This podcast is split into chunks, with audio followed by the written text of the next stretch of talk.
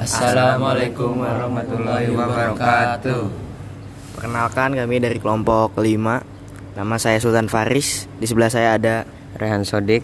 Muhammad Al-Fatih Kurniawan Ada Feral Rasa Takela. dan sekarang kita mau mereview buku yang kita sudah baca yaitu buku Negeri Lima Menara. Nah, setelah sekarang nih identitas bukunya ingin dibacain tentang dari Sodik. Jadi buku Negeri Lima Menara ini diterbitkan di kota Jakarta pada tahun 2009. Eh, jumlah halamannya di sini kurang lebih ada 423 halaman. Eh, harga buku juga nggak terlalu mahal-mahal banget sih 50.000. Penulisnya Ahmad Fuadi Bahasanya menggunakan bahasa Indonesia Ya itu saja sih Penerbitnya PT Gramedia Pusta- Pusat Utama Utama. Kesan pertama baca bukunya gimana nih menurut kalian? Kalau gue sih menurut gue pertama kali gue baca ini seru sih jadi kebawa emosinya juga tentang persahabatan, pertemanan. Sampai tua ya? Iya, sampai tua juga. Dari covernya juga udah kelihatan banget menarik ya jadi kayak pengen baca. Habis itu Buku ini itu rating, buku. Rating buku ini bintang 4 di Goodreads Oh. Rekomendasinya sa- bagus Berarti gue nggak salah baca nih berarti nih. Worth it lah Emang bagus sih. Rekomendasi nggak nih untuk, untuk anak-anak SMA gini? Biar Wah, sih? bisa lah Dari anak SMP pun juga bisa baca. Soalnya ini wawasannya luas tentang perjalanan juga kan. Iya Tentang kehidupan sehari-hari ini udah kena banget dah. Habis itu nih sinopsis bukunya nih dibacain oleh Fatih nih. Fatih soalnya dia paling hafal nih katanya dia buku paling suka tuh buku Paling menginspirasi Iya, hidupnya lah. Negeri Lima Menara katanya. Filmnya juga udah ditonton sih Oh, iya. Dan Bacain ya. dibikin film juga nih. Alif lahir di pinggir danau Maninjau dan tidak pernah menginjak tanah luar ranah Minangkabau. Masa kecilnya adalah berburu durian runtuh dari bukit barisan Sumatera. Dia suka bermain sepak bola di sawah berlumpur dan tentu mandi berkecipak air biru di danau Maninjau. Tiba-tiba saja dia harus naik bus tiga hari tiga malam melintasi punggung Sumatera dan Jawa menuju sebuah desa di pelosok Jawa Timur. Ibunya ingin dia menjadi Buya Hamka walau Alif ingin menjadi seperti B.J. Habibie. Dengan setengah hati, dia mengikuti perintah ibunya belajar di pondok. Di, di kelas hari pertama di pondok Madani, Alif terkesima dengan man- mantra sakti, manjada wajada. Siapa yang bersungguh-sungguh pasti sukses. Dia terheran mendengar komentator sepak bola bahasa Arab, anak mengigau dalam bahasa Inggris, merinding mendengar ribuan orang melakukan syair Abu Nawas, dan terkesan melihat pondoknya setiap pagi seperti melayang di udara.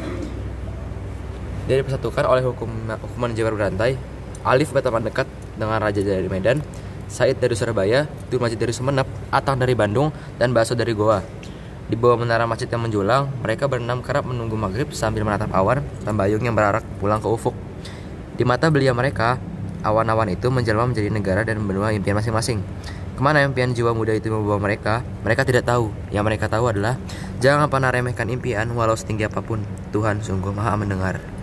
Waduh, ngeri woi. Gimana nih? Tentang sinopsisnya aja kita bisa ngeliat. Pasti seru nih kalau dibaca nih. Iya. Jadi total tokohnya ada berapa sih di sini? Ada ada 8 apa 6 ya? 8 8. Coba baca siapa aja dong. Temanya itu tentang apa sih, Dik?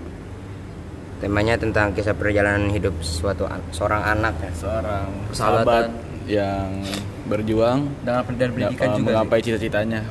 Alurnya apa dong, Feral? Alurnya. Lu jelasin dong. Alurnya itu dalam novel Negeri Lima Menara ini adalah alur maju dan alur mundur. Jadi di mana cerita adalah kilas balik ingatan dari tokoh adakan masa silam saat menimba ilmu di Pondok Madani sampai membuahkan Hasil. hasil di Saat ini. di saat ini. Penokohannya siapa aja coba sebutin. Ada tokoh siapa aja sih? Tokohnya yang pertama, tokohnya ada ini pemeran utama ya. Utama ini. Ada namanya tuh Alif. Dia yang kedua ada Baso. Habis itu ada Raja Lubis, ada Said, ada Dul Majid, Atang dan ya Itu cuman utamanya. Itu tokoh utamanya. ya. Terus Itu di sini juga persahabatan mereka dijelasin ya. ya. Dijelasin Alif itu orangnya penurut dan patuh. Habis itu Baso tuh orangnya agak agamis ya.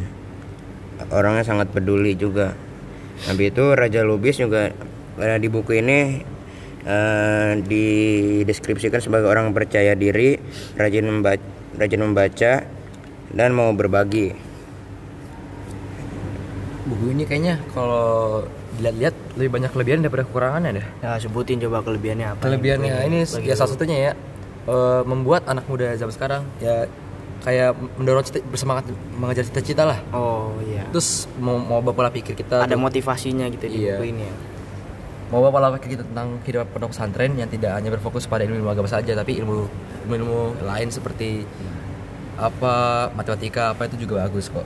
Ke- Kekurangannya rel kasih tahu. Kekurangannya kan dikit nih. Kekurangan dari sih cuma dikit doang sebenarnya sini. Kekurangan dari novel Negeri Manara ini eh, cuman adalah adanya tidak ketidakjelasan gambaran beberapa tokoh yang pada akhir cerita perjalanan hidupnya seperti apa. Jadi bagaimana keadaan orang tersebut jadi kurang jelas aja sih cuman cuman di cuman karena kurang gambaran doang sih gambaran orangnya. Jauh, jauh lebih banyak kelebihannya ya. Iya. Iya. Bagus dong. Apa yang terfavorit di bagian lu tuh apa sih? Yang- Di sana. Yang pas dia ketemu sama teman-temannya no, pas dia lagi kerja di New York, di New York, pas jadi VOA, Voice of America. Wah, keren emang dia.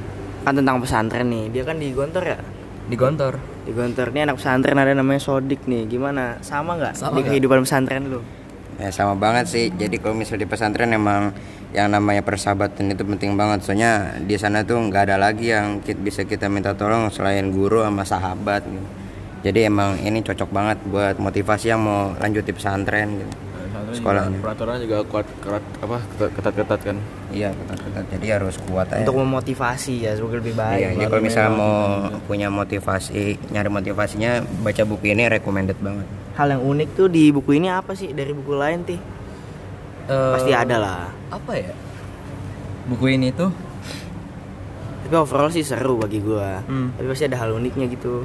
pokoknya buku ini banyak banget pelajaran hidupnya Nick tuh untuk dia, eh, diambil. dari sini mungkin kita bisa melatih mental kita lebih ja- jauh lagi supaya Misalnya kayak gitu ya. bisa makin lancar karena dia kan di sini mau mengejar cita-cita cita-cita dia dari Dari yang- nol ya.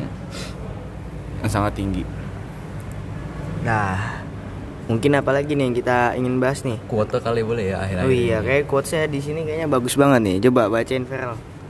Oke, jadi quotes-nya yang Yang kita ambil dari buku ini adalah- buku ini adalah hidup itu adalah sebuah perjalanan yang harus dihadapi bukan masalah yang harus ditakuti. Wih.